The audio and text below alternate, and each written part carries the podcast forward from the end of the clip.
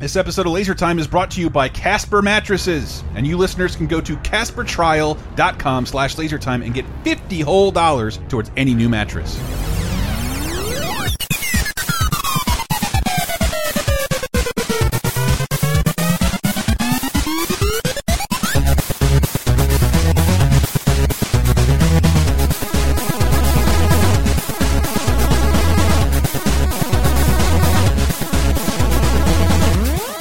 Welcome to Laser Time, discovering what we can do on our own time. That's a terrible way to start the show, but that'll happen when I'm at the helm. Uh, yeah, which I don't want to be. That's why I asked for a bunch of help this week, uh, because this is this is a little uh, not last minute, just something I wanted to do, and we couldn't shelve into one big topic, oh broad horseshit thing. So this might be something we could do from time to time. Hi, I'm Chris. Uh, who else is with me today? Hey, this is Sam. It's me, Sarah. Every single laser time, if you don't know, on the internet's seventh leading pop culture show, that we pick a topic and try and do as much research as we can or grab the appropriate expertise on the mic. And there was just something that occurred to me that made me want to do a show about whatever happened to. Uh, not at whatever happened to Toys R Us. We all know that story in 2018, why we're not going to be able to go to the world's biggest toy store. But there are other toy stores that have disappeared that whatever happened to them. Uh, that's one of the things we'll be talking about. But is there any other better way to describe this? Like, if you've ever been curious, like, what happened to this company or this thing or this staple of my childhood or adolescence that just went away? Yeah. And and and and generally the answer is uh, two things: bankruptcy and acquisition. Yes. Uh, but but that is that is like there was okay. Here's what it was. Uh, pop culture fans, we just saw the movie Halloween, and there were two things that happened in Halloween where like I saw a logo that shocked me more than anything else. I don't And- remember what that was. You don't? I was there with you. Um, well, one, it was a trailer for. I, I, I don't even know if it's the right movie that it was a trailer for, but I, I, according to my research, it would have been for the movie The Prodigy, a horror movie that comes out next year. I don't remember seeing a trailer for the movie, a movie called The Prodigy, um, but it was the company Orion. oh, you mean in the trailers of the movie? Yeah, Yeah. yeah. In the trailers before Halloween and Halloween itself, which I'll get to later in the show. Yeah. Uh, but Orion and like, and, and more so than anything that happened in that theater, like. Halloween, by the way, is fantastic. It It is. is Terminator Uh, 2, turns Laurie Strode into Sarah Connor. Just go see it. It's not scary in Yeah, I really enjoyed it. Yeah, it's amazing. But uh, more more so than any of that entire movie, I like grab grab my armrest, like what the fuck is that? And it's the Orion logo. And the Yeah. Orion logo, it's still the, like the most '80s design you're likely to see. Sure. And it's just one of those things that like, oh, that used to appear before everything. I know. It was so ubiquitous, like that I remember uh, in my head pronouncing it uh, Orion. I totally did that too. Yeah. It has no sound, so I'm not Yeah. I'm not playing it because it's just like this it's like this 80s robot font that a line slowly goes through. It's like Yes. it's like the if you italicize the Sega head. font, you'd get the Orion logo. And if you were a, a kid or I don't know, I'll say uh, someone about to be a senior citizen, you would recognize the Orion brand because it's been around since like 1978. And I wanted to know what the fuck happened to this goddamn company. And that story is worthy of kind of a documentary. Um, it's because it's not as it doesn't have the same highs and lows of Cannon films, which we've said over and over again. Watch Electric Boogaloo; it's on Netflix. Learn about the company that made all the these fantastic horror movies, these expensive versions of Othello, and in between every Chuck Norris and and uh, Charles Bronson movie you Yeah, can think of. that just came up on 30 2010 a couple weeks ago. But Orion is a lot like them, Mm. and just when I say they they made everything, I, I meant to check if they made the Garbage Pail Kids movie, but they might have. But they also made Silence of the Lambs, Dances with Wolves, Mississippi Burning, Caddyshack, Platoon, First Blood, and of course for our laser timey purposes, RoboCop, Terminator, Bill and Ted, The Addams Family, and UHF. Holy smokes. Like, so what happened to that company that for my life sort of defined the genre movies that I really liked? so wait, it still exists though because you saw it before. uh, Well, yes, uh, yeah, it, it it's didn't. back.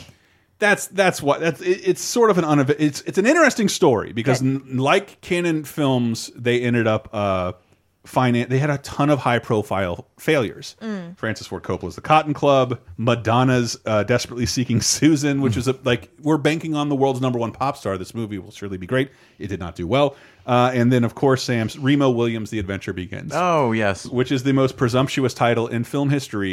You're going to love this so much. We're going to call this the first one right off the bat. Yeah, we're gonna date it by having a white guy play a Korean man Uh-huh. and curse it forever. So, if you can get past all that, which I understand if you can't, there is one of the greatest dog chase scenes in history. because those dogs learn how know how to operate a ladder. Yeah, they can pull down escape. like a fire escape ladder. uh, and, and it has a it has if you were a kid of the eight the early '80s, they have an entire like a really impressive effects sequence on the Statue of Liberty while it's being under construction. Yeah, while it was being resurfaced or whatever they did to it. Yeah, I remember hearing about this in the 80s and they like, you know, actually filmed an entire action sequence that looked very dangerous Yeah. like on all the scaffolding. On the scaffolding. They had to basically engulf the entire Statue of Liberty in scaffolding. when I was it. a really, really little kid, like I saw the Statue of Liberty, you learned about it in school, but when you saw it in the paper on the news, it was covered in scaffolding for like what felt like two years. Yeah. So I didn't see a modern Statue of Liberty for a long time. By the time I was, I like, remember, yeah. aware.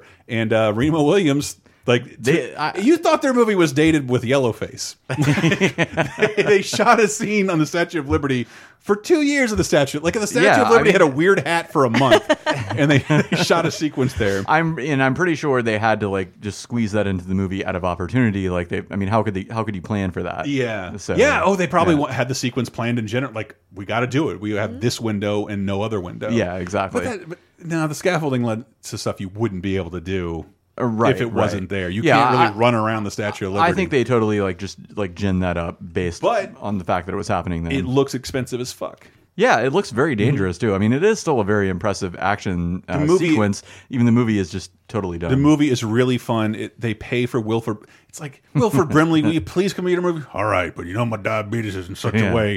I'll only sit in one room and talk on the phone the whole film. Yeah. He never. You never see his legs. Wilford Brimley. Um, that's because they were gone from diabetes. See, that's what we were all finding out in the early '80s. Wilford Brimley was in his 40s. So like, That's like- Oh, I forgot about that. Insane to yeah. me. That is crazy. I think yeah, there was that like one little factoid that came out. We were talking about Mission Impossible, where Yes. it's like Tom Cruise is the age that Wilford, Wilford Brimley Brimley was was. in Cocoon. I know he went from like teenager to grandfather like in two years. Yeah, it really suited him. bizarre. Uh, but th those are some of the high-profile failures I could think of. Because at the same time, they're making all these successful films. They are doubling down on films that are like costing them tremendously, and like their downfall starts in 1991, the year Dances with Wolves wins Best Picture. A company that won Best Picture in 1991 is like will be bankrupt in years, in like a handful of years. For a movie that made four hundred million dollars of sweet 1990s money, All that stuff is like it's so incomprehensible to It- me. it it's doesn't like make any some sense at all. money stuff that I'm like, oh, I guess I just don't understand. It's like even if we're adults and talking about borrowing, no bank, we made the best movie of the year, Yeah. and it mm. made four hundred million And dollars. guess what? It was a really fucking boring three Yeah, hour I was gonna say, can with we- Kevin Costner sitting in a bed of grass, Yeah. basically. Can we be real here? Has anyone seen Dances with Wolves Yes. more than once? Yeah, but not What? uh, not in the last fifteen years. Okay. but because I love because it. of your dad? yeah, Yeah, My dad took me to see it. Yeah, dads love Native American stuff, and they definitely love Kevin Costner Mm-hmm. Yes, stuff. And he this is a Venn diagram. yeah, learning all about was it the Sioux, the Sioux Indian? Oh. My dad was obsessed with Indian reservations. Took me to Yeah. all. So he's My dad seen too. he's seen Thunderheart like five times. what the fuck is Thunderheart? that Val Kilmer movie with the Native Americans? what? You don't know this No. exists? It came out What is like Thunderheart? circa 1990, early 90s or something like that.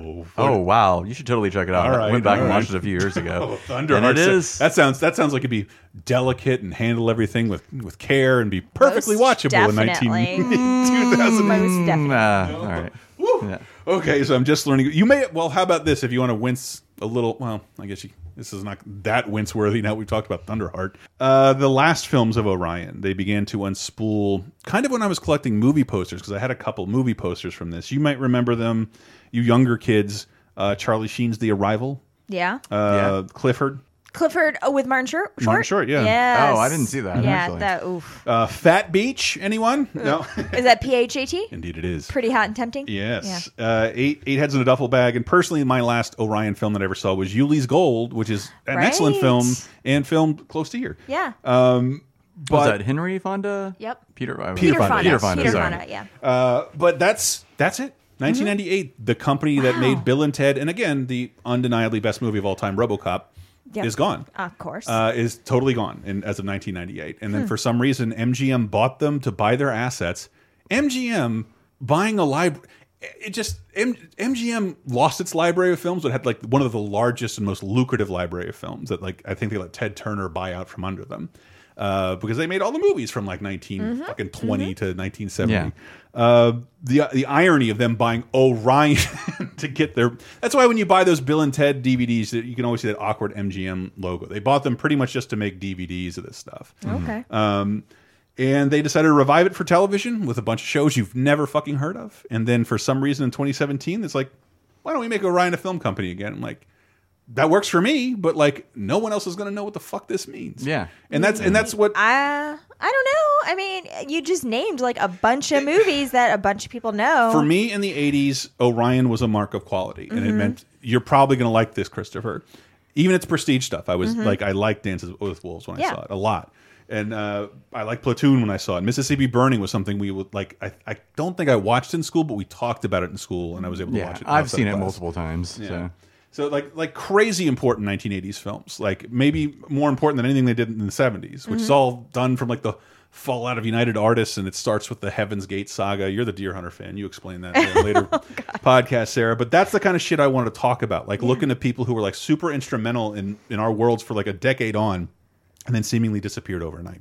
Yeah, and a lot of these stories too, like looking into it, like have really interesting backstories. Like because so when we started talking about this, I was like, oh great, I can definitely think of like several entities, brands, Yeah. stores, restaurants, whatever Mm-hmm. that like were there when I was growing up and kind of instrumental, and then all of a sudden blank Gone. out in my memory. Have disappeared forever. And in doing some of the research, it actually ended up being a little difficult because a lot of those things just they just don't exist in our region. But they True. do it's a regional thing where they do exist elsewhere. That's I was why I, talking I about stopped looking up food stuff because if you if they were created in a town that wasn't New York and L.A., Yeah. there's still that one restaurant in the middle of the country. Right, exactly. I, I, I swear, my one day that I want to film super bad is up in was it North Carolina? The last Yogi Bear honey fried chicken stand. what? Uh, yeah, it was this popular licensing deal with Hanna Barbera and this fried chicken and honey fried chicken. How does that not sound good? Yeah, and there's amazing. one left in the entire world, and it's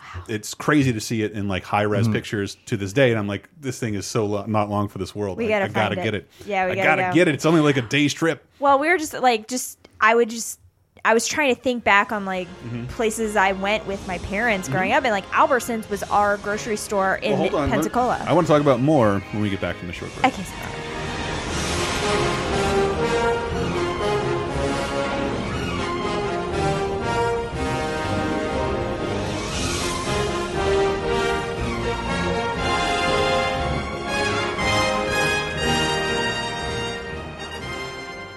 Is the world of today getting you down? Well, then why not check in on some of the good stuff that happened this week in movies, TV, games, and more 30, 20, and 10 years ago this very week with our show 30, 20, 10. Here's a clip from 1988.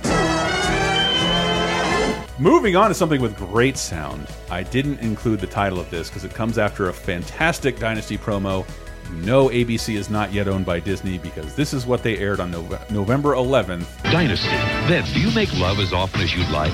No, I'm not satisfied. When you're not in the mood, how do you handle it? I tell him I got a headache. Take the test that could change your love life. Joanna Kerns and Ed Marinaro host the National Love and Sex Test right after Dynasty tomorrow. Predates those BuzzFeed quizzes, and it's like and a, it predates real sex, I think. yeah, it's like a, it's a 2020 special about like, are you fucking good? Are you doing it right? Are you laying the dick okay? Yeah. women are going to talk know about it. that they can't say. There's so many words they're not allowed. to say. Making whoopee. Making whoopee. But what also stands out, it's hosted by this lady and a man named Ed Marinara.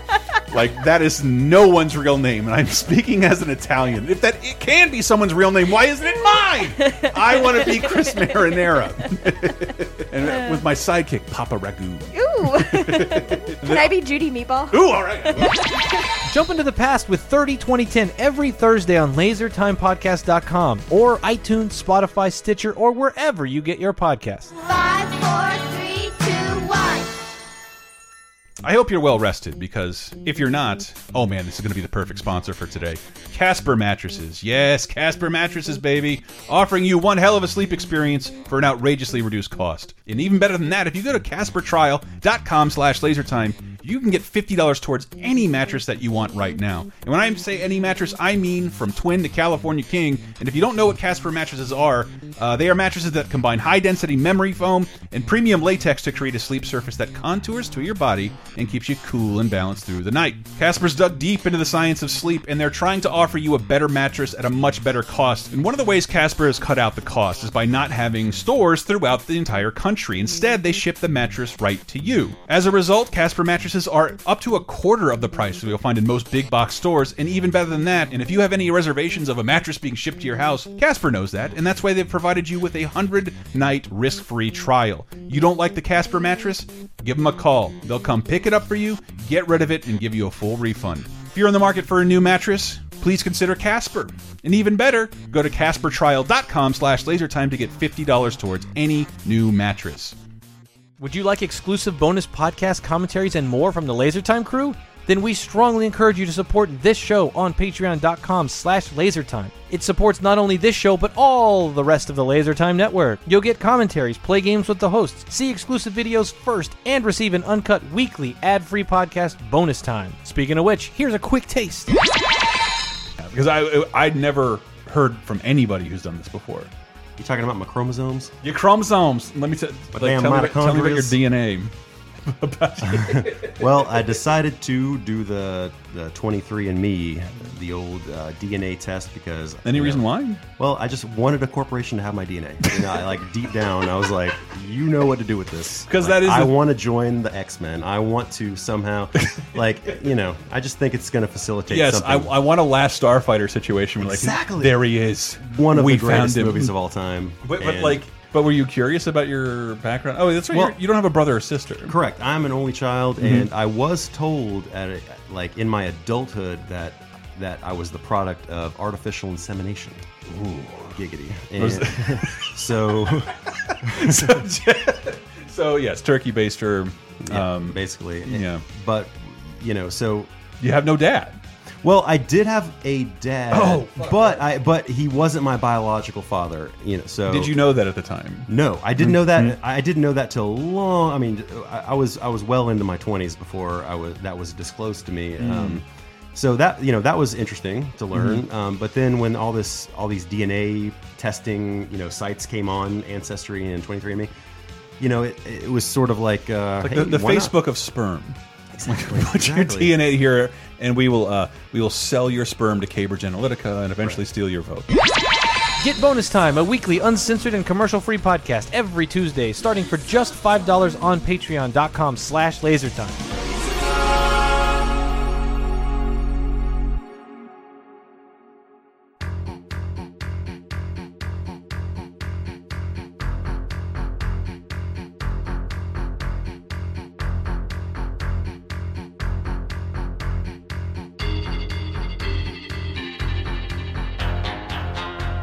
Before I rudely interrupted Sarah, we were about to talk about Albertsons. It's Yeah. your store.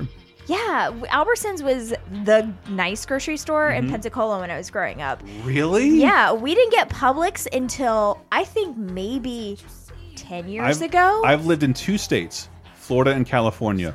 Both weirdly had Albertsons, and they're always the worst store you can go to. No, in Pensacola, it was the good grocery store to go to. Yeah. And I loved it because I remembered they would always have the best hot French bread and they would like hand out samples of the French bread with like tons of butter on it. Mm-hmm. This, is, this is my favorite food is bread with butter on it. So I was like, it was my favorite. They also had the best cookies. And so I was like, oh, damn. Albertsons is gone. I haven't Mm-hmm. seen one forever. So when I went to do research, it's like, no, now it's just not in our region. If you're in California, has eaten yeah, it, it's like it's like. Safeway and Albertsons. Yeah. That's crazy because like nuts. Albertsons disappeared from here, uh, and it was a place that like my family went to. I mean, my Uh, memory of it is like it is. The interior was one of the more old timey. 80s grocery stores that I can remember. And I remember it primarily because, unlike Publix, which was a grocery store, it had like this weird old timey general store drug wing in the side where my parents would pick Uh, up I prescriptions. kinda remember that, yeah, and next to I that do. would be was like the Garbage Pail Kids and like the sti the, the stickers and the collectible Yeah, the magazines cards. and all that shit were right yeah, by there. I and there was this huge section. I just could I can remember the smell, the taste of everything from that section of the store. Yeah, and there was like an Albertsons. tasted all the magazines. did and all the bubblegum cards. yeah, there, there was an Albertsons. If someone like- could help me find it, it was a collection of cards. I thought they were called Dino Rockers, but I get nothing when I search it. It was a bunch of dinosaurs wearing jams and like Bermuda shirts, doing skateboard tricks, and wearing sunglasses. That Ooh, I'm seeing a vaguely picture of it in my head. yeah, I can't tell if you're just being suggestive. No, or I I- really So this remember might be it. the I've Nelson never been able to- Mandela effect. I've done I've done a ton of research on the internet. and I can't find what they are or, or if they even existed, but I fucking love them. I would stand in line and out. I, I'll go with you to get your prescription picked up, mom. I want to get some fucking dinosaur cards. Sorry, No, there, there was an Albertsons like right by the house I grew up in, and uh, that was the place we always went. And there was a Publix like catty corner to that that was kind of like shitty. And if you Publix don't, is super regional. yeah, if you if you don't live in the southeast, uh, and Atlanta doesn't count because it's all Kroger there, but like in the southeast, like especially in Florida, Publix is like this cult thing. Like It's- it's everybody really good. Oh. adores Publix. It's because it's the best grocery store it's in really the entire good. country. Like Floridians love Publix. I mean, everybody like raves about their sandwiches. Like you'll see I the mean- me- if you live in Florida, you'll see all the memes, like the post hurricane memes, and the flag was still there, and it'll mm-hmm. be the Publix sign. You know, like, it's like- yes. They have the best fried chicken in town. Yes. Yeah. And it's, for, It really like is six amazing. dollars. yeah. So and, good. and they get you like in your youth because they will give all kids like a free cookie just for the asking. The errands Yeah. brought over those cookies, and I was just like, Yeah. it was one of those good. moments where everything behind me went black, and I'm a little kid again. Like, Yeah. shit, these taste a free cookie every time you walked in, a fresh free cookie. and you can be in the cookie club every time you get a free Yeah. cookie. And our son has won the cookie club prize like, Like three twice. times, Yeah, or, uh, where he's at gotten least like twice. the giant cookie and just like Yeah, yeah, they'll- they'll just say, like, having just- a kid finally is Yeah. paid off. yeah, they'll, they'll give you a cookie cake. They're like, "What do you want?" is it on like one of the canceled ones that says "Good luck, Deborah"? in Your future endeavors? no, they will personalize it on the spot. Yeah. So Uh, but yeah, grocery stores. And we had a ton of them here, and they come and go. And I swear, Sure. I I was in San Francisco where you should have this. Sh it's just mostly like ninety percent Trader Joe's. Yeah. And uh, there was a Rainbow Grocery, which is like hippy dippy vegetarian stuff, and then Safeway, which is sub Publix to the maximum, Mm. maybe even sub Albertsons, and of course Whole Foods. But who can Mm-hmm. fuck afford Whole Foods? I don't have a Blue Apron spot this month. Leave me alone. well, just specifically to grocery Mm-hmm. stores too. Like one of the grocery stores we shopped at all the time when I was growing up, when we maybe couldn't Mm-hmm. get to the Albertsons for whatever reason, was Food World. Is that a thing? No, we, we, had, we had a that? food for less than like the only one I knew of was next to our house. I, I but I remember yeah, there was a bunch of other ones. because I and now looking back at it, I'm like, was that maybe a discount food grocery It might store? have And I been. just Mm-hmm. didn't know. But I do remember that they used to have these crazy, amazing coloring contests every year, and because I am an overachiever, I would win like two or three times a year because I would have like glitter on that shit, and I would do that thing where you outline it with a marker and then color it in with the oh my god, color pencil. Oh my god, and that I was a won, hu- huge flashback. I won so many coloring contests at this like probably janky ass grocery store. yeah, you said that was Food World. Food World. Well, there was another like southeast regional place, uh, a grocery store called uh, Food Lion that Yes. came here. with that was that had commercials hosted by the guy, and if you watch Mr. Yeah, Show, the CEO, like the, the Mr. Show sketch of like the Fairsley versus the corporate Yes. behemoth. He's like, "Come to us now in less locations." Yeah, it, it was obviously the CEO. He was not photogenic. He had no like TV personality. He was just like I, I can't remember his name, but he'd be like, "I'm Greg Smith. This is Food Lion." he would always pronounce it like like not like a like a Floridian Southern accent, but like a, a like Georgia or North Carolina Southern accent, like Food Lion. It- it's it's I'm a, when I came back, like because that there may have been one left before I. There was only one ever here, and an interesting like little bit of backstory Oh. because you had Aaron on bonus time before, and his mom and my mom took us both to a protest when that was being built because of their tree clearing practice. a food lion. Yes, Holy because shit. their pr- policy was to obliterate everything, and people in Tallahassee are fucking insane about their trees. So we both had to go to this roadside protest and stand out there like, "Oh, I'm like nine years old, holding this sign," like, and people are honking at you. Some of them in support, some of them hate your guts. down with But- deforestation. yeah. But Food Lion got in a shit ton of trouble in the 90s. Um, and there was like a big like Frontline or ABC like news special about it On because food lion. yeah, because they were doing something like uh, bleaching their meat or putting expired meat back Oh, on the shelf, no. and, and they they had like a lot of undercover like or you know a couple of undercover reporters come in and Probably with big hats, cameras in them. I guess so. I guess that would work.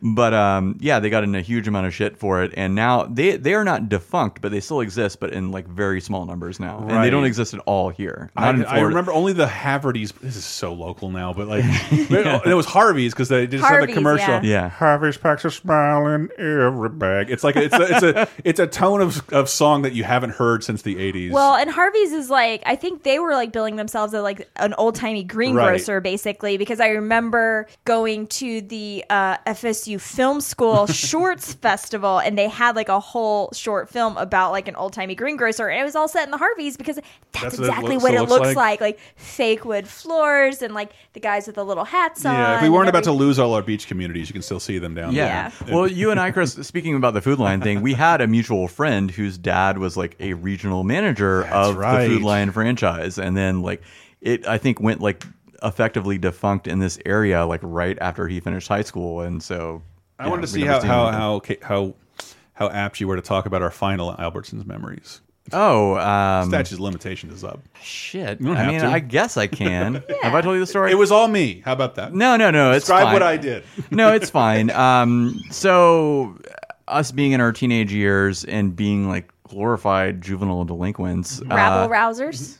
Uh, yeah, uh, this is might be a step above that. Yeah. we're often trying to acquire booze like underage, Mm-hmm. and a a lot of times what we would do is like, uh, you know, they don't sell forty ounces in Florida, but they do sell thirty-two ounces. So it might have be it began kind of modestly with just like shoving a bottle into your very baggy 1990s Your pants. JNCOs? Well, it started with, with realizing that. I mean, it was so old timey. They had like that big giant door to the back. Yeah, that's And- what I was getting to. sorry. But yeah, no. So uh, they had a, um, you know, they would at night. I think they might have been open twenty four hours. I can't Yeah, remember, but I remember going there like late at night, and you could just like load up a basket with like some booze, whatever you're going to take, and then they left the door open to the back, the stocking Mm-hmm. area, and whatnot. And there was like a fire exit, and we just kind of. Uh, oh, I'm sorry, this is going to be a little bit more overproduced, but uh, I, we had this friend in high school, and I don't think you might. I don't think you were around for this time, Chris, but he had this old military smoke grenade. So we just said like, Sarah hasn't heard this story yet. Your "Sorry, okay, you, you can edit this out if you need to." But um, Because what I knew is the, the, the back door, the emergency exit. yeah, and that, that's kind of what I'm getting to. I'm like because the, usually didn't go off. Yeah, like emergency exits usually say like push the big red lever and then the door will open 30 in 30 seconds, which Yeah. sounds crazy to me because The alarm will go off, and then it, we're, we hey, it never does. We can just Yeah, and, and whatever we uh, want and run oh, out the back. The reason you have that particular item of intelligence is because um, my friend from high school had this old military smoke grenade, and like we just said, like you know, we worked out a plan. I'm like, well, if it takes 30 seconds, distract them, pull the pin on the grenade, roll it through the front door, and we'll run out the back, and that'll give us the 30. That'll give us the 30 seconds we need. And so he did exactly that. yeah. I'm not making this up. This this really and so happened. he pulled the pin and it like fizzed and did all this stuff and ran away. And then I pushed the door, expecting to have to wait for 30 seconds, and it just opened. Oh, so- that's so that's how we knew. That's how we knew that. wow, and you guys brought in an You did- antique you smoke guys grenade. did some and- real recon. Well, he here. just had it and he told me about it. So I'm like, just do the thing with the smoke grenade and Oh we'll coordinate. God. We're a dirty team. Yes, exactly. Yeah. I hope no one He's still out there listening. somewhere. I think he was in the Navy for a stint, but Throwing um, smoke grenade. Oh, that's enough yeah. information. They can they can they can zero in on them now. figure it out. But then, you know, we had a couple of similar runs as juvenile delinquents, taking them out through the same door Mm-hmm. because it would just open until like one time it didn't. And like one time we were all packed up. Was I there? I can't remember. Uh, my memory is getting shittier as I get older, obviously. But we just pushed the door and it didn't open. And we, like I think it was me and another guy. His name starts with an A. Um, Got it. really into Marilyn Manson. Um, Got it. but he, uh, you know, he and I like pushed the door and it didn't open. We look, both looked at each other like, "Oh shit!" And all of a sudden you hear, "Wah, wah, wah, And you're in the back with only like a choke point, one area you can Yeah. walk out of, and just have to like. So we we were just funning. yeah. So we both planned like how we were gonna like bust through whoever came out break and out like your run for the door. old fashioned mustaches, Yeah. put over your regular mustache. All right, you get on my shoulders. We'll wear the trench coat. Yeah. buy the But we were normally. both freaking out, and nobody got there in 30 seconds. And after like 45 seconds passed, I'm like, "Oh shit, the door will probably open now." And we did, and it opened. And then we never did that We ever never did again. again. Yeah, No. because I'm like, Wow. that's not worth it. It was a fun summer though. Yeah. A lot of free booze. yeah, because I feel like the first time we did that, this is it in was high school. Yeah, Yeah. and like our mutual friend, um, who lived in the area had I don't like know where the cool kids got their booze. Like we tried paying bums to do it. Are you kidding me? In high school, I was like making brownies and reading the Wheel of Time. Like I, and non weed brownies, Yeah. just regular Pure- brownies. pure Crocker? yeah, regular Betty Crocker brownies. but we had a mutual friend um, who's been on the show before, and he um, his parents were just like uh, moving into the area or whatever, Mm-hmm. but hadn't quite moved in yet. So we had this entire like unoccupied Right. house with like a pool where we just got to hang out Yeah, and have a and few even beers. then there was that church next door where like if you build a giant church in the middle of a neighborhood, but like we want all the land around so no one can hear what the church is doing. That's a perfect place for teenagers to drink beer and finger each other uh, at any time of year, just in the middle of town. Thank you, churches. Yeah, Chris didn't finger me too much. I It did. fine. I did. not that much. Yeah, no, he got the full fist. We, we, Sam and I went all Henson. Yeah, we put a sign on the car. Who was the Elmo? We'd put a sign on the door. We'd put a sign on the door that said "Go on fisting." Yeah.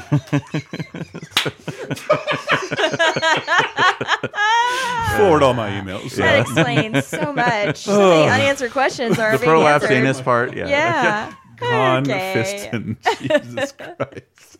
We've digressed. okay, let's bring it back to it because I don't know that um, I want to talk about one more story, move into something that I'm, I'm just positive more of the world knows about. But Mm-hmm. um, I'm surprised you took up the mantle of service merchandise.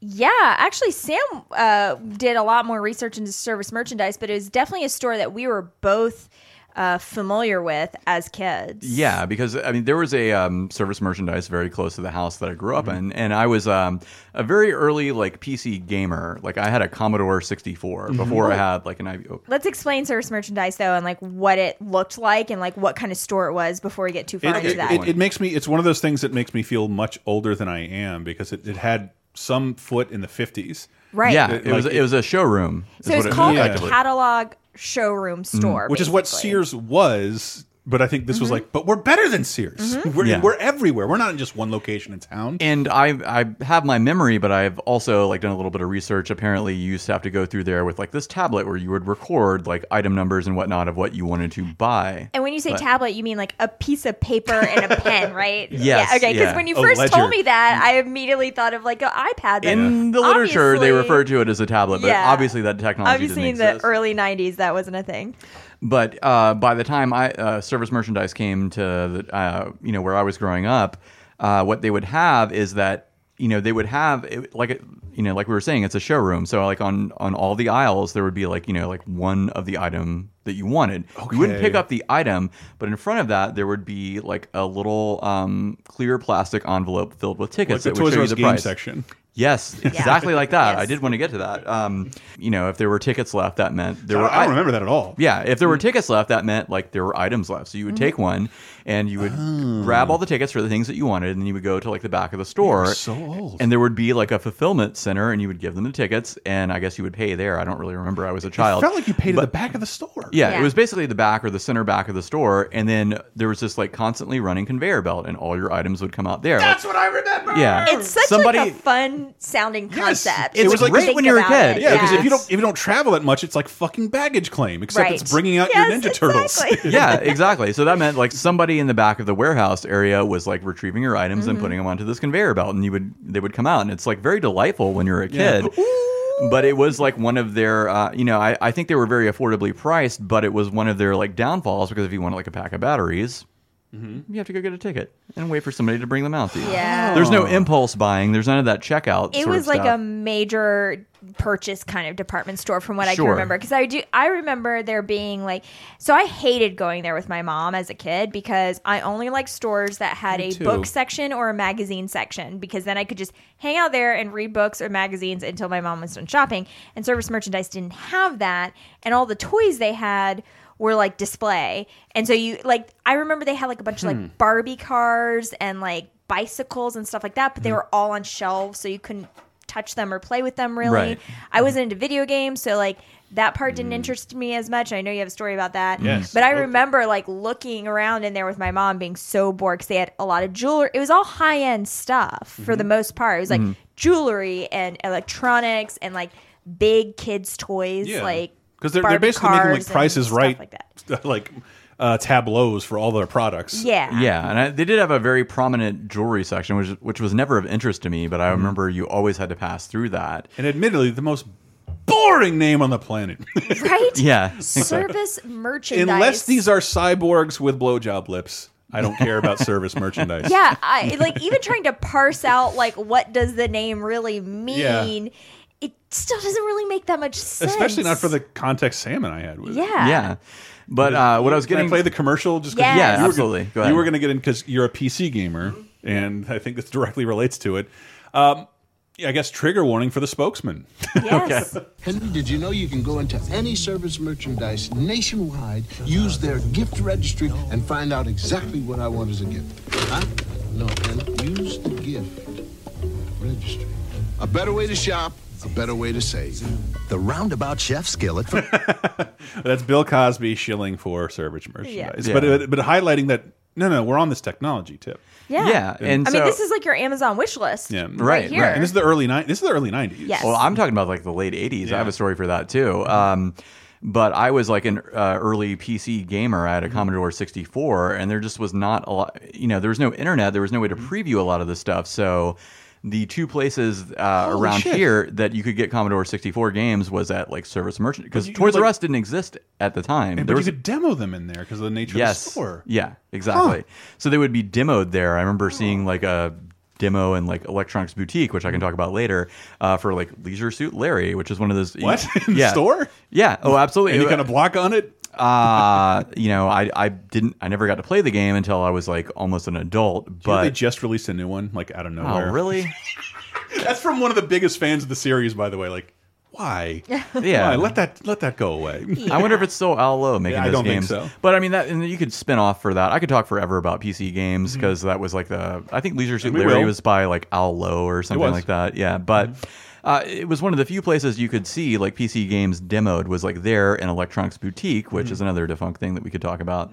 But I always like going to service merchandise for like those PC games because you could just grab the ticket and the you know you, you could see it demoed there and then grab the ticket and Which was huge. Like other than Yeah. like Nintendo kiosks, like you couldn't see what a game looked like. You had pictures to go in a magazine.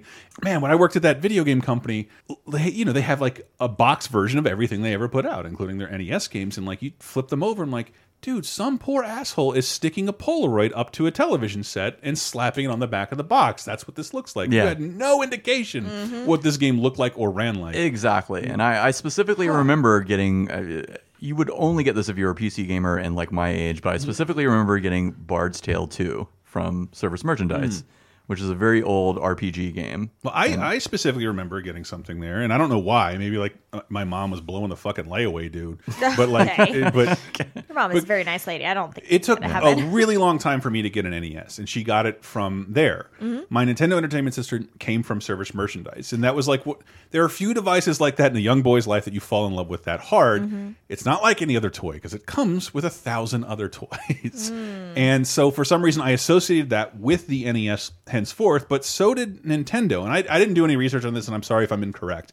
But if you remember, you open up your NES or even like a Nintendo game, you'd see like that picture of Mario in a suit holding a wrench that like it's an official Nintendo service center Mm-hmm. because Nintendo's broke all the fucking time and most people aren't licensed You, to you just blow on the thing not and hold it down with another that, game. yeah, just blow on the thing, spit in it too, like just full on spit in it. That always fixes everything. But but like if you remember, those things were in like every single official Nintendo piece of hardware. Mm-hmm. There was official places that Nintendo sanctioned to operate on your broken shit, and that was service merchandise. Wow. I didn't know that And, like, or it- forgot it. And I know I know there's people out there who know exactly what I'm talking about. And our buddy Adam, who's been on the show before, he got one of those neon lights with like the Mario holding the wrench and like, official Nintendo Service Center. Cool. And that's what service merchandise was. We had to take it in one time and get it fixed uh, by service merchandise. But I had another cool service merchandise uh, story. Uh, at one point, they had like a competition where you had like five, maybe 10 minutes to play Super Mario Brothers 3. Uh, and if you got the highest score, you got a free Super Mario Brothers 3 when it came fuck? out. yes. And I was like uh, a comparative expert at Super Mario Brothers 3. Because you saw the wizard, you knew what to do. Well, I knew that. Yes, that, that did help. But also, um, I was an avid bowler as a child. This Um, is true. We have bowling trophies in our house from Sam's childhood. Now, I just want everybody listening to take a guess how Sam's bowling prowess folds Yeah. into Super Mario 3. Guess right now. I'm not going to come up with a multiple choice. Just get get an idea in your head because I have no idea where this is going. And I bowled all the time. I did. This is a weird bit of trivia, but I Oh, did. now I know. Damn it. Okay. this is a weird bit of trivia, but I did actually win the gold medal in the Sunshine State Games for my age division. I still have it. Yeah. but, Yeah, you can um, look at a little Ooh, picture of him. He's 10 yes. years old with his first wife, bowling champion, endorsements out the ass. beer belly sticking out to here, cigarette in I smoke Pall Mall cigarettes. I'm a master bowler. but I, I did not make that up. But in these days, um, back then, they had coin op uh, Nintendo arcade machines where you could choice. Mm-hmm. like yeah PlayChoice like where you could play like a quarter or fifty cents. I forget how many minutes it got you, but you could get so Very many little. minutes. Yeah, very little. You could get so many minutes on whatever Nintendo game you picked. Mm-hmm. And before it was released like to mainstream consumers, uh, Mario Three was on that coin op machine. So being at the bowling alley all the time, which had an arcade attached, I got to play that game a shitload. And so I went in there and killed everybody, like score wise, We of the game, we and, were- and walked away with the free game We were using it And as a bowling trophy. and a bowling trophy. I, I've been. And I started doing video game podcasts like ten years ago, and I, we've been doing it shorthand. But like my uncle who works for Nintendo told me, blah blah blah blah blah. It's that the that came from the idea that like uh, Japan's already on like Mario 9 right now, and that came from what we're finding on 30 2010. I just didn't have an exact date on it. A week after Mar Super Mario 2 came to America, Super Mario 3 debuted in Japan.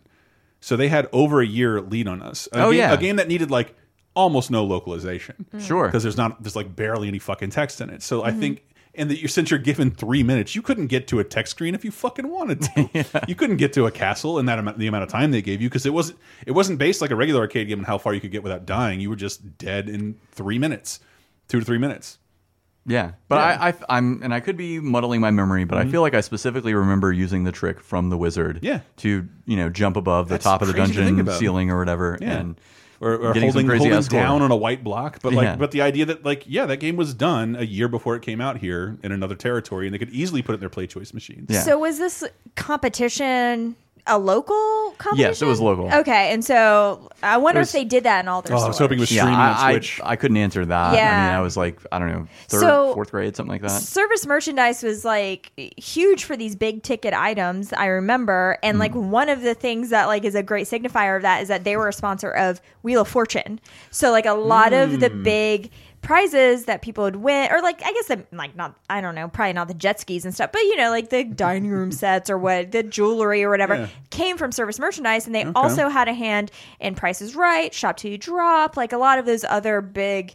Um, game shows where like It you makes got sense. Where else? merchandise. Where else do you advertise a fabulous dinette set? Exactly. exactly. You've never seen a commercial for one of those. Only a showcase. Yeah. On Price is Right or Wheel of Yeah. Fortune. yeah. So what happened to them though? Why don't So, we see them anymore? Like wrapping up, like they, um, yeah, Walmart. yes, you're exactly right. Walmart killed them off. In fact, that exact same service merchandise I referred to became a Walmart before did. Super Walmart was a thing, at least around here. Yeah. it got replaced by a Walmart, and um, No, that's the th I think they existed simultaneously next to the Walmart, and they You got think so? Really? trounced. Yes. Okay, the Walmart was over there to the right a little bit, and ser- service merchant, which by the way, you said is now our le- what the voting board. supervisor of elections office is of elections. that's what occupied the whole service merchandise. I don't know what they do Almost in there. every store I love now is becoming state offices living Yeah. in a capital city. I've seen places get re- replaced by the FSU Department of Anthropology. Like, yep. you know? Like clubs actually. Yeah. And since we're on the subject of video games, can you tell? Can you just go more into uh, like EB?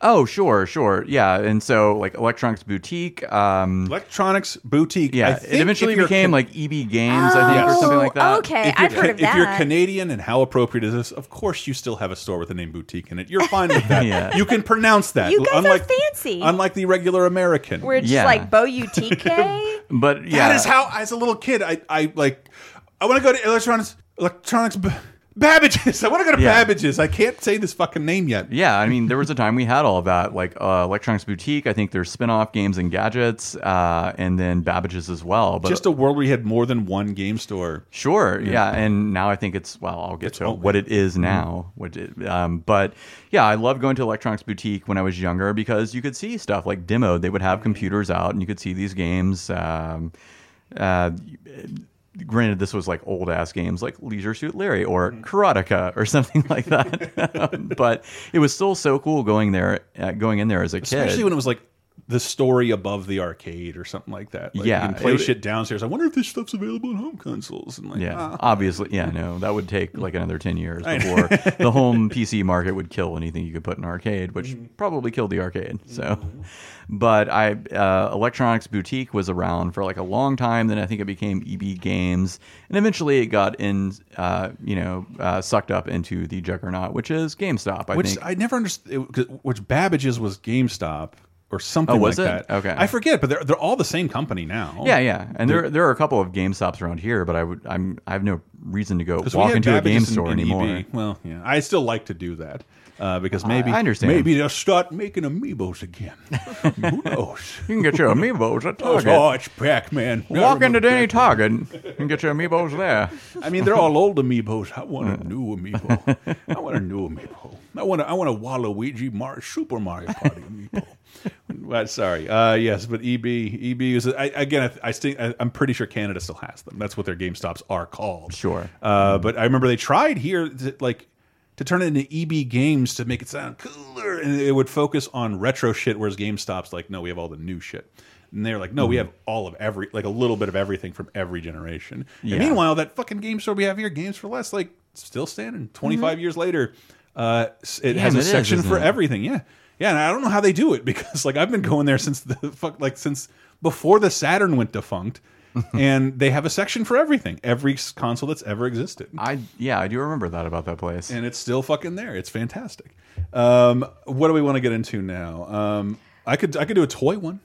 Okay. I could do a toy one. It's a it's a little long, but um, the toy one I wanted to know about the most, and it has a oh, it doesn't have a boring ending, but I was I, I wanted to see what the story was and how they got there, uh, and that was just because it's one of the few commercials that would shout out its uh, toy company at the end of the commercial. Amazing Micro Machine Man here. I'm so amazing, I'm going to stop this runaway train with my bare hands. Clear the platform! Ah! Why, it's a Micro Machine train, of course. There's a totally cool Continental Bullet, Western Freight, Lightning Express, the Amazing American Steamer, and more. All with freewheeling wheels and totally terrific tracks to dramatically detailed Micro Machines from Galoob. Collect them all. Micro Machines from Galoob. Like I always said, from Galoob. I don't know of a lot like a lot of other toy companies that even did that. They didn't say He-Man from it. They did actually. They did say from Mattel, From Hasbro But or like, something. dude, everything now is Hasbro, including Galoob. That's the hmm. big spoiler. But I, I was pointing about how it's such a cool kids toy name, and it's like, where did they get this wacky toy name? Well, Louis Galoob. It sounds like a planet. It sounds like a, a planet that it came from. That A like guy- some aliens brought you some toys. guy named Louis Galoob. I believe he pioneered the fucking cymbal monkey. I think it was, it was called like Oh, okay. Jolly Chimp. Okay, you know his family like at Ellis Island like came over and their real name was like Galubadowski and they were Oh. like, no, no, no, we can't Ah, pronounce that. makes me think of like Golan Globus or something. Or th- that my dad that my dad has an Italian friend whose last name is Guido, and then like you like laugh at him and like Ellis Island, man. Some of those guys were real dicks. The, the, the new name you got to sign. That's horrible. All right, came to the sauerkraut. We're gonna call you James. Yeah, this Hitler. guy Guido. This is uh, Bobby Greaseball, uh, Billy Dago, and Jimmy DeWap. Um, there's actually a guy from Goodfellas. Yeah, I remember. But Galoob, Galoob was everywhere. They were mostly licensed toys. I'm trying to rope all you in, make you every demographic out there feel good that they're listening. Thing comes back with the body slam. Climb the pole. Rick climbs the pole. Thing comes back with the body slam. The WCW wrestlers ring and cage, you put it together. Figure so separately from Galoob. I dare anybody to take us on. I, I just I don't know. I've been watching. We've all uh, a lot of people listening have watched the Netflix documentary "Toys That Made Us." That wonderful documentary "Plastic Galaxy" about uh, Kenner and the Star Wars figures. Just the idea of like a old guy, maybe let's say the the dad from Gremlins, like going going to a local like toy convention, like ah that looks good. I'll put that on shelves. Like I hope that still exists. Big style. I- but I'm pretty sure it doesn't. It's Hasbro getting licenses and sending a bunch of orders over to China. But back in the day, that's what Galoob did. They would go around, they would search for stuff to uh, like either produce or try and obtain licenses. They were, I think, they were one of the first people to have like the Alien license. My, my sister's boyfriend. Had, now has this awesome collection of the first Alien toys. Oh, wow. When like yeah, someone had the balls to make toys off of Alien. Like get these off the shelves. This is a rated R movie. No one in history 40 years from now will ever want alien merchandise. and like, yeah, so it's fucking They'll all be adults. Why would they want toys? They'd be grown ass adults. And now you can get like the Lego Inception series. Not really. I made that up. Lego Salo. that's, that's that's the new jam. It's just the same Legos, but like all the body parts are all mixed up. But but but like you remember you remember from Biker Mice from Mars. They made a bunch of Power Rangers toys, Ghostbusters toys, from Aliens to Spice Girls to Star Wars, all that stuff. And then around the mid '90s, everything started. The bottom started to fall out for all of them. And then when you mm. realize your your whole business is based on licensing, and part of that comes from like, well, I'm going to bid on a contract from mm-hmm. Lucasfilm, and oh, I was underbid by another company, and now my fucking year doesn't exist. So uh-huh. that's why a bunch of these places started falling out. But Galoob skated by on micro machines. Those have always been big. And now that I'm like fucking dating women with all these kids that like, yeah, fucking. Wait, they still exist? You're dating But, but old fucking Mother Hubbard, yeah. But but every woman I've been on a date with, or the woman who lives in the shoe. And, but like, but if they have a young boy, like I don't know what it is. Little cars are fucking catnip to little boys. They But can't get enough. The literal Micro Machine brand still exists. They exists? do. They do. But it, it was. But it was. I'm getting to that. Okay, Um, sorry, but- sorry. uh, but yeah, they, they they still exist. But like, I don't know what it is that little boys like little things with wheels. I'm, I'm sure girls might oh, too. Oh, girls love tiny things. I follow a tiny thing. But thing. Cars, rolly thingies.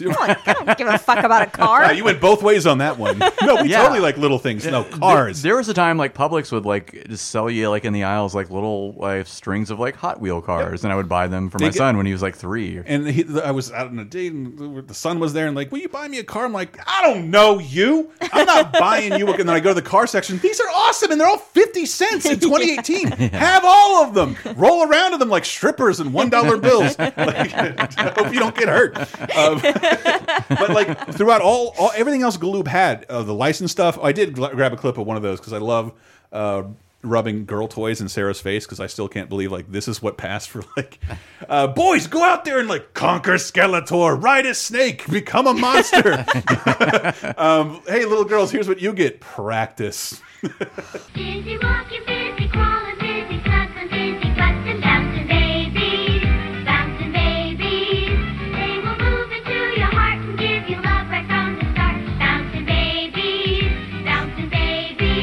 babies. May be six inches small, but they can do it all. Walk, snuggle, fuss, and crawl. No wonder they're so busy. Better. So that's that's the fucking fascinating thing to me. Because part of the reason Star Wars toys were so big is because like, eh, we're gonna save some money here by making them smaller, so we can make more of them, charge less.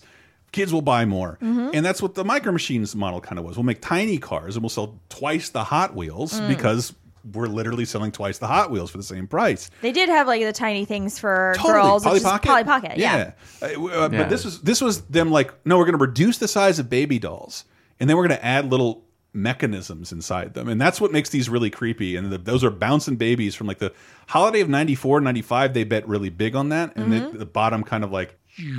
So Galoo Yeah. at this point has no real. They eventually, I believe, well, uh, they, they they had to bet really hard with Micro Machines, and Micro Machines kept them afloat for another I think like half a like half a decade because like they had they, they then like look at the Star Wars and Star Trek license like and if you're a if you're an aspiring nerd like me who has a minimum wage job like I can't oh I'd really like that fucking enterprise that's like life size and costs like four hundred ninety dollars. Oh, there's this micro machine line where everything is like twenty five fucking cents. Or the, I can get a little Star Wars Millennium Falcon and like put it on my. It's perfect. So like they Sure. they, they survived on licenses. Uh, but like that was about it until Sky Dancers. They made Sky Dancers. If you remember Oh, we talked about in the toys that maimed us. Yeah, yeah, yes. That was that was Galoob's. That's the and right and so the Sky Dancers elevates them up. We're back. We're not going to go out of business. We got Sky Dancers and Micro Machines, and we're acquired, and our name is being taken away from us, and we'll never be associated with these products again by Hasbro, Wah, which has wah. pretty much acquired everything Mattel hasn't. Yeah. Uh, which which is I don't know, sort of the bummer, but as long as toy makers are getting paid, who gives a fuck? Yeah. Um, I hope that's still the case because like toy maker is a job I always wanted to aspire to, and now I'm just really scared for you. But Galoob, I always want to know what happened to because that was always the coolest sounding toy company name. Yeah. and it was on the back of a bunch of cool shit you liked because they're licenses. And I just didn't know what happened to them. But they, I think they said they did start using their name a little more Mm-hmm. because I think there's something about the ubiquity of Hasbro when that's a glowy logo that comes up in the movie theater before Transformers movies from the Hasbro Cinematic Wow. Universe. Mm, yeah. Transformers. Yeah, that Hasbro's now making movies, so it's not it doesn't it's not as friendly a toy company as it used to be. Yeah. Oh God. Well, Mm. I mean, going shifting from, I think like Galoob would be a company you would only really know about if you watched these like commercials Mm-hmm. and paid attention to them. There are like certain. There's a company that I looked into or a business that I looked into that like all of a sudden just disappeared from our towns and neighborhoods, and that is Discovery Zone. Oh yes, Yes, and we had a Discovery Zone in Pensacola. You guys said that there was one here in Tallahassee, but you guys never went to There it. There was. It became the tax collector office. We didn't go to it because Ah. it came here. I remember when because there were the commercials. Yes, that- the that commercial with the best theme song, like has a real song. It looked great.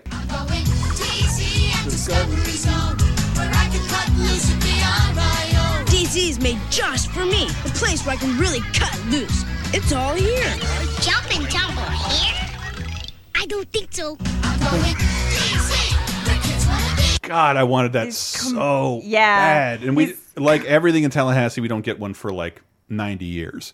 well, and so Mm-hmm. because I am significantly younger than you guys, Not just, Oh, come on. It's just a couple years. I'm just kidding. Um, but I was like right at the age in Pensacola where I could still go Mm-hmm. and not look be looked at as a weirdo. And then my sister is quite a bit younger than me, Mm-hmm. so we actually had, I think, maybe her fifth birthday at the Discovery DZ? Zone at DZ. And so if I'm joking, but I think that was initially a re a rebrand they would get to in their final days. no, like- no, it was always a Discovery Zone. No, they they became DZ at some point. Oh, They just oh, referred the to- marketing or something, Yeah, yeah, yeah, yeah. Well, it actually started in 1989, Mm-hmm. and um, you know, it started by two. Because at that point, people. Sarah, I'm nine. I'm seeing these commercials. Yeah. But we don't have one. And by the time we Yeah. have one, I have a driver's license. And we tried to go, and it's Chuck E. Cheese is still like that. Like no one who is not accompanied by a minor can enter This here. I may have been with you. Like we were coming out of the cheap dollar theater, and like we were like, I, I haven't been to Chuck E. Cheese since I was a kid. It's right here. Let's go in. Let's They're go like, in. sir, you're too you're too old to be here. It's you know you have to be a kid or an adult with kids. Yeah. And Come back when come you find a kid and like this sounds like you're an accessory to whatever I'm about Yeah. to do to get in here. Actually, Chuck E. Cheese was like right on the cutting edge for like child safety because I remember very early on they Mm-hmm. employed. This is just a side note. They employed um, UV stamps on kids' hands. Really? And so when you would go in with an adult, they would stamp your hand as a child and your adult's hand with like a certain special number, and then. The, you had to go back through a thing where they could scan both of your wrists with a UV light and make sure you were the right adult. I want to assume Fucking genius! that's like, Yeah. But I, I just want to a assume that's great a idea. result from like panicky urban legends because I never actually heard a story of a kid but being also, abducted in a Chuck E. why Cheese. not? Like, also not hard to do. Like, know, great idea. It's not hard to abduct a kid from anywhere. I put on a tie, walk into school. I'm a teacher. Of, uh, I'm like, Let's not go down Oh, that God. road a- Delete that, anymore. everyone. Let's not. But and I mean- also, what teachers do you know wear ties? but Keeping it on topic though, but like, if like if you go into Chuck E. Cheese now, the the, the crime that has committed the most in there are adult fighting. That is the only reason you see. do them they come sell up. beer? Yeah. Oh, They they do. That's a and, and, real and, oh, like, you're serious. yeah, I No, think you're so. just yeah, like like Bud Light exclusively. I, mean, thought they how sold beer. else can you survive? That Chuck food E. Cheese is adult? dog shit. There is, I will say, there's Oh, almost no such thing as a bad of Chuck E. pizza. It's really pizza. bad. Oh damn. It's real bad. Well, Uh, back to Discovery Zone there real quick. Like I just found looking into like the story of it is Mm-hmm. very fascinating. Do you know like one of the earliest invest who one of the earliest investors and like promoters of it was? Is it Nolan Bushnell? trying to take Billie it back? Jean King. What? Because it was kind of being billed and advertised as like a more athletic Chuck E. Cheese. Right, Because unlike Chuck E. Cheese, where like the majority of it was an arcade and it had a pizza No. place and then it had like a ball pit In- in, and like, a little bit of a like a McDonald's Playland Yeah, net and, a, exactly. and a slide that like gave you too much of a static electrical charge to do it more than twice, or you might develop superpowers. Discovery Zone was basically majority like obstacle Right. course, McDonald's plan. They had a zip line. They had At this point, for little nerdy Chris, when I'm like 10, Mm-hmm. I'm not as interested in arcade machines because I have home consoles and like arcades are fucking expensive. These games better be great. Oh, sometimes they're not. So like, I want a place that's just all one big multicolored jumble jungle gym. I'll play Uh-huh. my games at home. That's what I wanted DZ so bad. Yeah, it was it was Mhm. kind of amazing. I mean, looking back on it because it was just like a huge kids ropes course. Yeah. obstacle course, fully. It's literally what adults are getting now with like rock climbing gyms. Yeah, and, and the zip lines trampoline land or whatever. Mm. But I mean, this had like that slide that everyone remembers for the commercial where it's Mhm. like a bunch of rolly, like what your luggage comes at, like a bunch of rolly tubes that you can just lie down on, which I really felt bad with the girls with the long hair because I don't know how their hair did Ooh. not get caught in that. But buttons getting caught in there, but hair. yeah, a lot of ball pits, zip lining, crawling through things, and so it was kind of amazing. They didn't. I don't remember they had food there. They might have had like a snack bar. They never or build anything else. Like unlike every oth- other place that even the Chuck E. Cheese commercials now like play up the arcade games that they have Mhm. coming in. They're never like we got a new slide. Whereas DZ was like this is This all we is got, it, yeah. motherfuckers. Mm-hmm. But it was doing great for a long time, and I went back and tried to find like the prices. It was seven bucks a kid to get in, fifty dollars for a year subscription to get in there anytime. Back in the 90s? Yes. Wow. And I mean that's kind of amazing. I read an account actually because I like, got More than the fair The for a fair. year though. For a year, that's pretty good. For a year, and I read an account of a woman who was like, I was going, I was getting my master's during this time, so I would take my kid there like three times a week, and I would study in like the adult room while he just like fucking wore, wore himself out. I'm like, wow, that's fucking genius. Yeah. that's amazing. Yeah. So it started in 1989. In April of 1995, Blockbuster acquired a majority right. stake in it. The company that could do no wrong Right. in 1995. In 1995. However, less than a year later, they it applied for a Chapter 11 bankruptcy. Wow. Less than a Yeah. year later? Yeah. I guess In- they, probably because they grew too big. I think they did. And unfortunately, so what ended up happening, of course, with all these companies, they started selling off assets and they started closing stores here and there. And then June 30th, 1999, they abruptly closed half of their stores. Overnight without telling anyone. And so there were these like families of kids with birthday parties that had been scheduled that were showing up to locked doors. So Chuck E. Cheese came Whoa. in and said, we will take We'll all of your, your parties and give you like 25 like game tokens or whatever. And Chuck E. Cheese like scrambled up and took care of like all these families. And we'll give you half off if any of your children uh, know how to fix robots. Because these have been broken for a very long time. And by the way, like, can you compare like how awesome a ball pit was when you were a kid to how disgusting it sounds Oh as an adult? Oh my god! I, well, I love those stories. Uh, if you ever hear of like like when Disney World were like, "All right, let's try this again. We're gonna Mhm. make a big ball pit and a slides for kids," and it's just like you're not thinking the number one threat to those rides in Disney parks. Diarrhea, Yeah. Yeah. Di diarrhea everywhere. Diarrhea in a ball. The bigger you make your ball pit, the more of a diarrhea factory it becomes. Yeah. Yeah. Especially when you're serving nothing but shitty food. I just cannot imagine how they could have cleaned any of those Yeah. things, and now it makes my skin crawl. Yeah, when you go to think about it. Disneyland now, you'll see like nets next to a bunch of kid stuff with like Mm-hmm. culverts. And like, what the fuck are those? Is this to drain water? No, they were filled with balls that like we can't clean this every hour. No. when kids throw up and shit. in I it. know, and I, I feel like disgusting. And luckily, I don't recall having like a poop encounter in a ball pit, but I loved jumping in one. They would have them like at McDonald's and whatnot, mm-hmm. and you're small enough you could like disappear underwater in the ball The pit. the one Ooh, at- the one McDonald's in a ball pit, perfect diarrhea the one at Chuck. I always don't ruin my childhood. I worked at McDonald's and like my one of my things for quitting was like a kid shit all like liquid shit all around the ball pit and like oh, go clean that shit. And I was like, my job's not to clean this. We hadn't. In other words, I hadn't encountered it in six months of working there. It was like the first time that had ever happened. Wow. And I'm like, no. And I went to the bathroom uh, and I took my shirt off and left and never came back to McDonald's. Uh, and- but uh, the ball pit, the ball pit they had at the like you know what everyone has a Ross right. Dress Our- for less. uh, Ross Dress for Less. Yeah. Our first Chuck E. Cheese was in a Ross, so it was much, much, much, much bigger and two stories. Oh, wow. One floor Two was all- stories? yeah, one floor was all arcade shit, and the, and the first floor was like all robots and like uh, Those robots. activities. Yeah. And it had a ball pit, and I remember that my parents still remember this because the ball pit was so big. I just remember I'm gonna try and go all the way to the bottom, and I got to the bottom like there's so this ball pit is so deep and there's so many balls in it.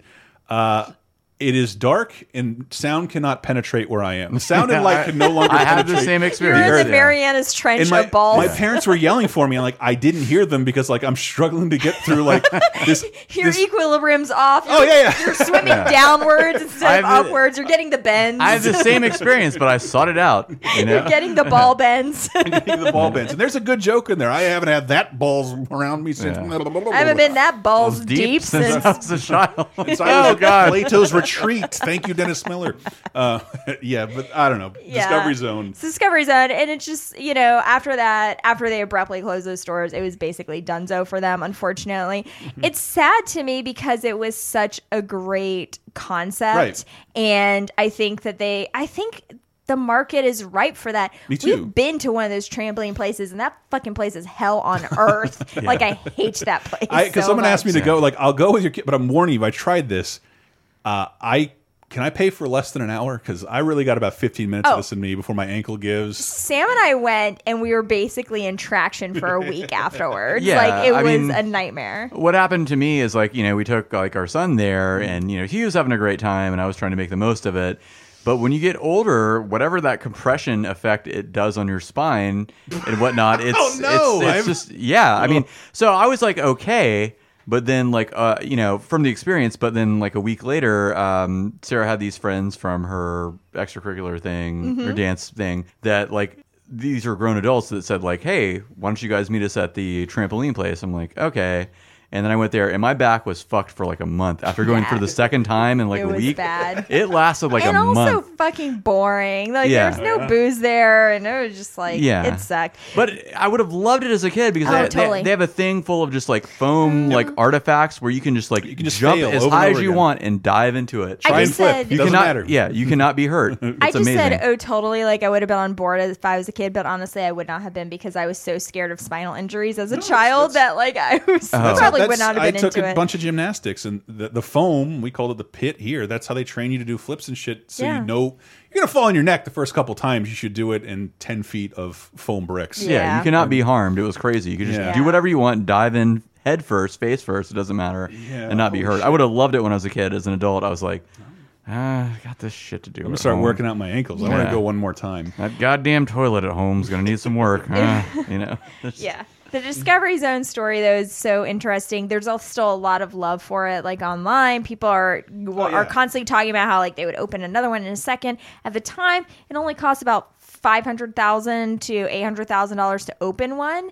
And then I mean, at the at the height. the- I Mhm. mean, if you think about it though, like with the infrastructure that's needed for that, that's actually not if they're sending great. and all shipping the you- goddamn insurance. If they're Yeah. shipping me a Places like that. 60 foot foam pyramid, then Right, Who, who exactly. might have complained? the aggro crag basically um and then at the peak like i read an account of like a california simi valley location Mm-hmm. they were doing 45 to 70 birthday parties a week there Jesus. which is just like hand over fist money Jesus at that Christ. point Mm. it's kind of insane Yeah, your fifty But percent pizza just selling like for like every- five dollars. Yeah. everything you love blockbuster fucking murdered I it wish it still existed. And, uh, I don't know. I love that tweet. I, I reference it all the time. Like someone's like, "What's the weirdest thing you're gonna have to explain to the last generation?" It's like birthday parties at McDonald's. And, like, yes yeah, that seems Yeah. like why would anybody fall for that? yeah Why would we do that? But like, no, McDonald's, the, the especially the one near your in my house. like, Yeah. they had a separate wing that you never got to see unless you paid to have a birthday Sure, party. or they would have like a like train caboose that you Yeah. could do the birthday Oh, party yeah, on. yeah, a life size They train that at, like multiple ones. Yeah, Yeah. They got rid. They, they like totally don't care about that at all. Like they've they've gotten rid of all the play places in this town. yeah. And side note i think one of the weirdest things i would have to explain is sears portrait studios yeah, like Wow. going to a place and like taking pictures. we talked with about my it last week. The last time I went there before this current time was to get my passport photo Right. taken. Yeah. Uh, in like 19, 2008, 2008. Yeah, my sister and I have a lot of J.C. Penney's pictures of us in matching denim outfits. Maybe one day we'll post Fucking them. Bummer. Such a bummer. Well, you had another store on there. We got to close this out with uh, two more.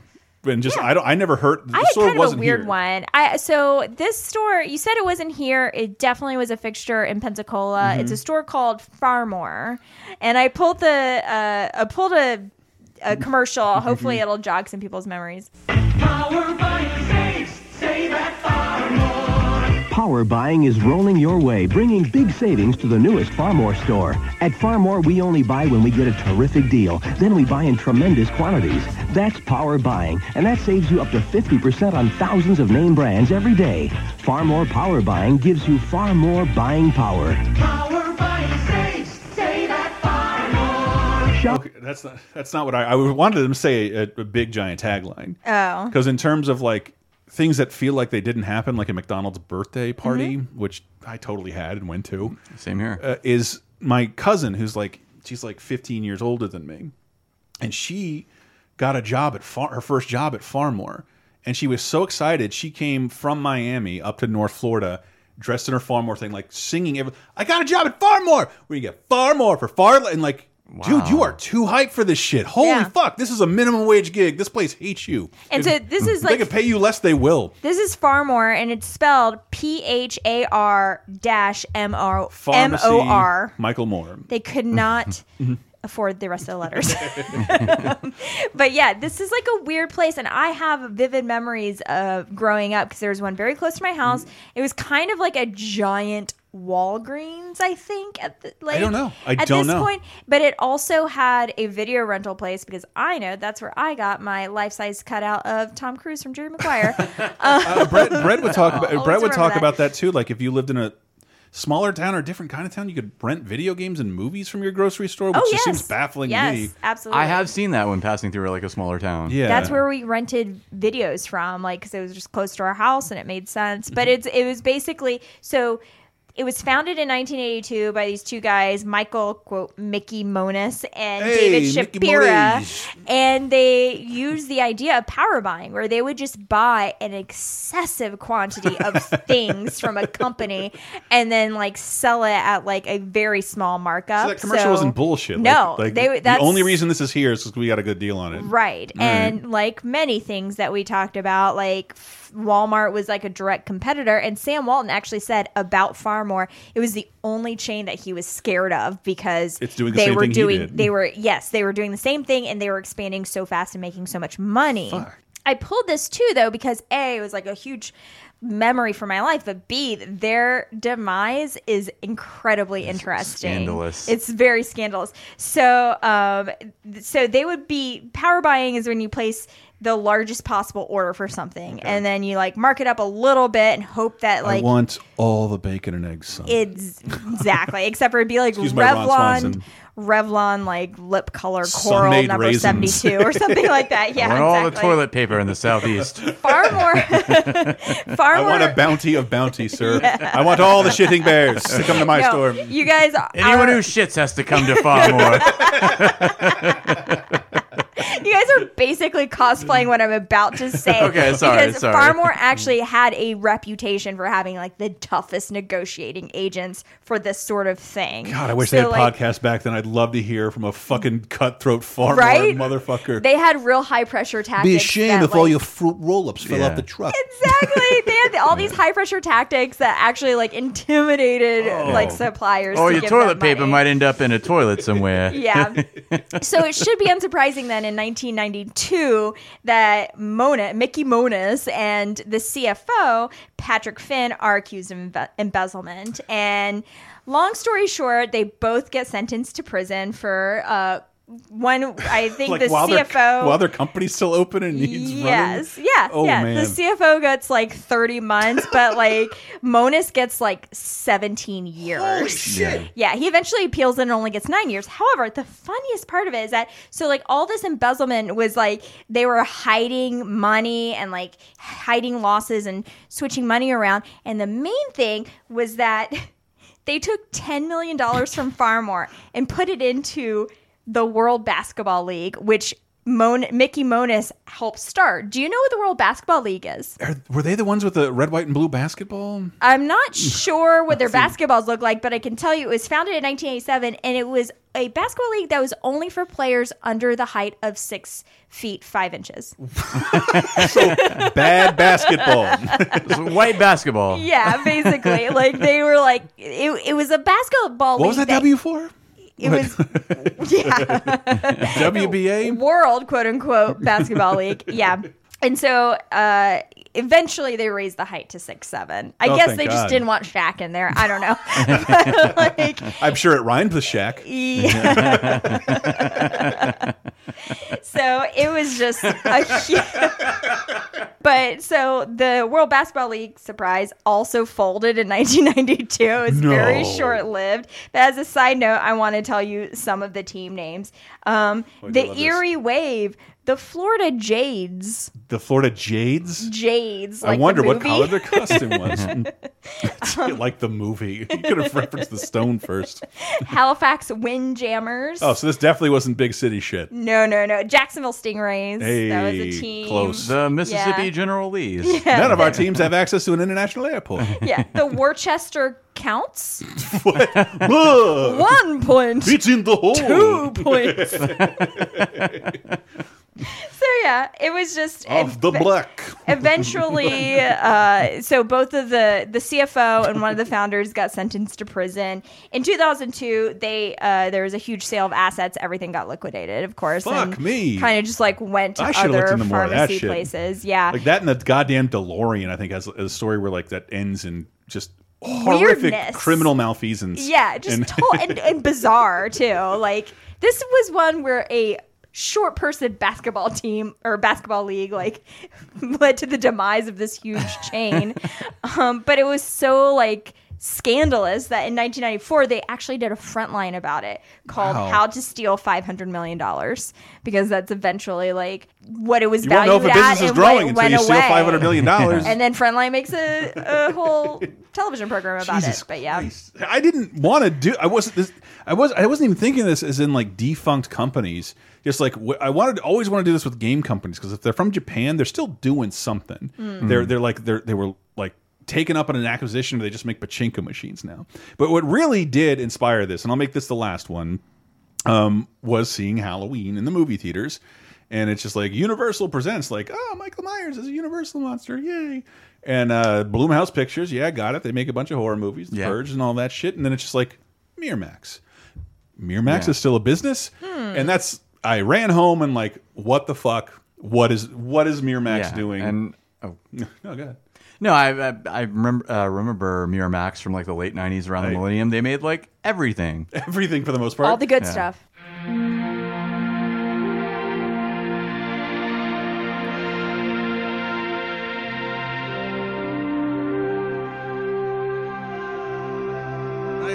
hope that gave you like S- Star Wars Fox Real fanfare. If you're if you're a kid who watched shit in the '90s, Yeah.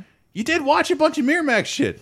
Uh, let's uh, let me see. I'll rattle off. Look, yeah, I got filmmakers because Mm-hmm. it was multiple films with these people. Miramax responsible for the films in the mid '90s of Quentin Tarantino, Kevin Smith, Danny Boyle, Gus Van Sant, Michael Moore, Pedro Almodovar, Steven Soderbergh, Peter Jackson, and Via Dimension Films. People like Wes Craven, Mhm. uh, Robert Rodriguez. Company was founded in 1979. So if you were cool, you knew They- but- you knew this. It's there's going to be some Bob and Harvey Weinstein talk, and Yeah, I was going to say there's a Weinstein tie into this. There's they're, they're the guys who started the company in 1979, and I I, I don't want to say ignore how big of a piece of shit Harvey Weinstein is because it's partial the fallout partially plays into him being such a fucking asshole, Mhm. uh, and that's that's what's sort of fascinating because they were like this this 1979 independent film company. By independent film company, they they relied mostly on acquisitions and distribution, meaning they weren't calling shots and they weren't dictating picture quality. That really did come from Disney acquiring them in uh, around 1992, and that's where the Pulp Fiction money comes from, and the Chasing Amy money, and uh, the Train Mm, Spotting, mhm, and the uh, Good Will Hunting, and Sex Lies and Videotape, Yeah. and Tie Me Up, Tie Me Down. Like all these fucking crazy classic independent films come from Miramax and mostly Disney money. Mm-hmm. And eventually, that's where it comes to blows. And I, because I just thought they were totally dissolved. Not only dissolved, but like, why the fuck would you display this logo in 2018? Nobody wants any association with this brand. This brand is fucking putrid. Well, I remember real quick back in the 90s, Mhm. like there being some real uh Christian type outrage about like Disney putting basically putting out Pulp Fiction and Tie Me Up, Tie Me Down, and all these things, and like you know being tapped into con- the conservative Christian circles like I Mm-hmm. was when I was growing up, like hearing about this, being like, uh, Disney. What I remember being the, the dipshit, like known internet trivia guy of like, you know, Pulp Fiction's technically a Disney movie. Mm-hmm. I think I do remember that. Uh, Samuel Jackson is a Disney princess, technically. it's true. Uma Thurman is uh, for sure, for sure. But you can't. Part of the reason this split didn't go well because no matter how good they did, uh, you can't make a ride out of hitting Uma Thurman in the heart with an adrenaline shot to get her out of a heroin coma. Oh, like there's only that so we could, though. only so far you can go with that merchandising, and we know what Disney's interested in now. Sure. And but this 1993 to like 1997 is like their fucking crazy heyday, like raking in cash, Mm-hmm. literally making. Again, you'll notice all men, all male directors Sure, for the most part. of course, Um, obviously. there's probably a reason for that.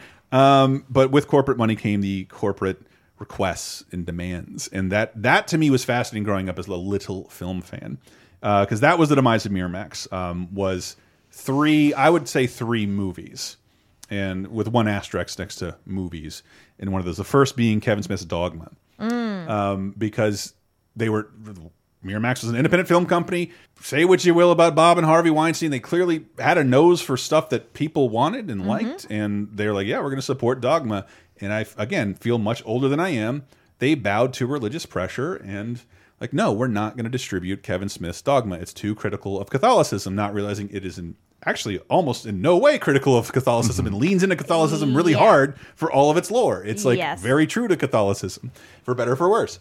Uh, but they got rid of that, and like someone with an ego like Harvey Weinstein is fucking incensed and starts doing things. I think behind the back of Disney and Michael Eisner, his boss, which is just knowing what I do about corporate culture. Like you did something behind Michael Eisner. He's like the most powerful CEO in the yeah, world. that's insane. And so, like, still an asshole in a different way. and part of that was like, we want to, uh, we had a good time distributing this guy's last documentary. We would like to finance uh, the one because we missed out on Bowling for Columbine. So we want to make sure we get Fahrenheit 9 11. If you grew up a movie fan living where we do, uh, that was a big problem because everybody knew Fahrenheit 9 11 from Michael Moore was coming Yep. in uh, 2004. And they knew it was going to be critical of the Bush administration. And there, so there wasn't just the political angle. Jeb Bush was the governor of Florida, where Disney has to get all this shit approved Oh, on a consistent wow. level. And they were like, "Get rid of that fucking movie." And like, and Harvey's like, "Sure," doing that, and he would hide the numbers from them and keep uh, putting money into it, making the film. I think like six million dollars, and like every, there's there's this is all detailed too because there was entertainment reporting on it that like every time like get rid of this film, we're not releasing Fahrenheit 9/11. Um, and again, it's the bitter sweet pill of like "Ugh, I hate Weinstein's being right, but like no, we have faith in this film. It'll cost six million dollars. It goes on to be the most successful documentary ever released Right. to this day, Yeah. non-adjusted for inflation.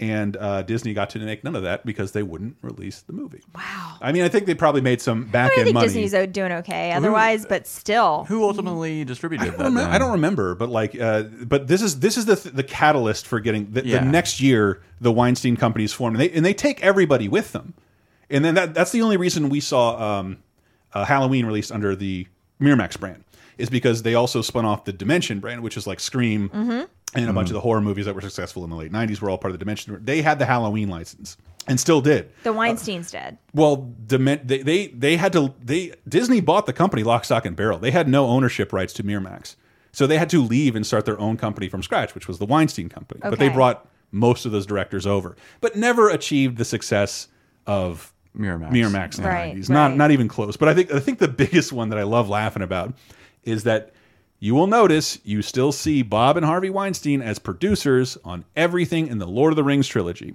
Hmm. Because they were the ones who took they hmm. they took that off the ground. They were like, we want Peter Jackson to make two movies, and Disney's like, two movies at the same time. That's too lewd. We can't handle that. And they made them sell off the rights to Lord of the Rings.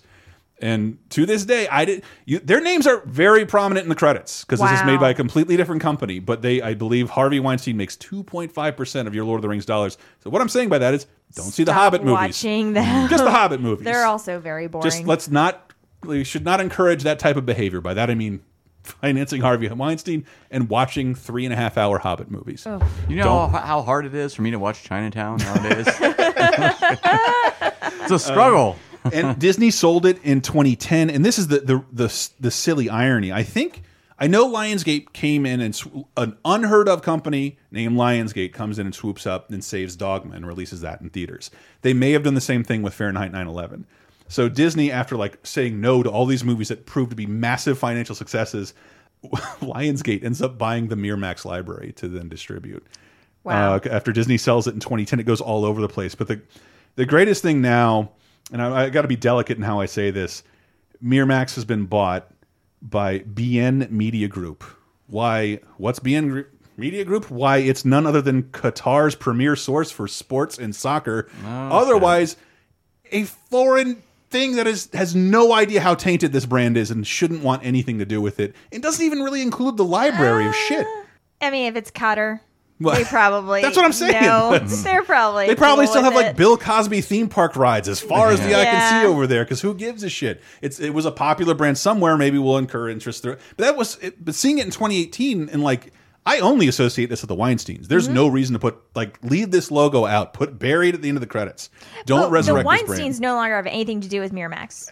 You know this because I just explained it. to Okay, you. okay. But, I like, just wanna most make sure I people- was clear on Most that. people, if you know that name, his name is attached to movies like Shakespeare in Love and uh, like Kill Bill and all. Well, Kill Bill didn't come through Weinstein Company, but Mhm. everything else did. Mhm. Uh, everything else we talked about, Good Will Hunting, that's all Mm-hmm. Weinstein shit. Oh, yeah. And Lord of the Rings, and I just, I was just flummoxed and just mouth agape. Like, why am I seeing the Miramax logo in 2018? You should, you should have paid someone so that logo was not seen before this film. Because now I'm thinking of Weinstein's.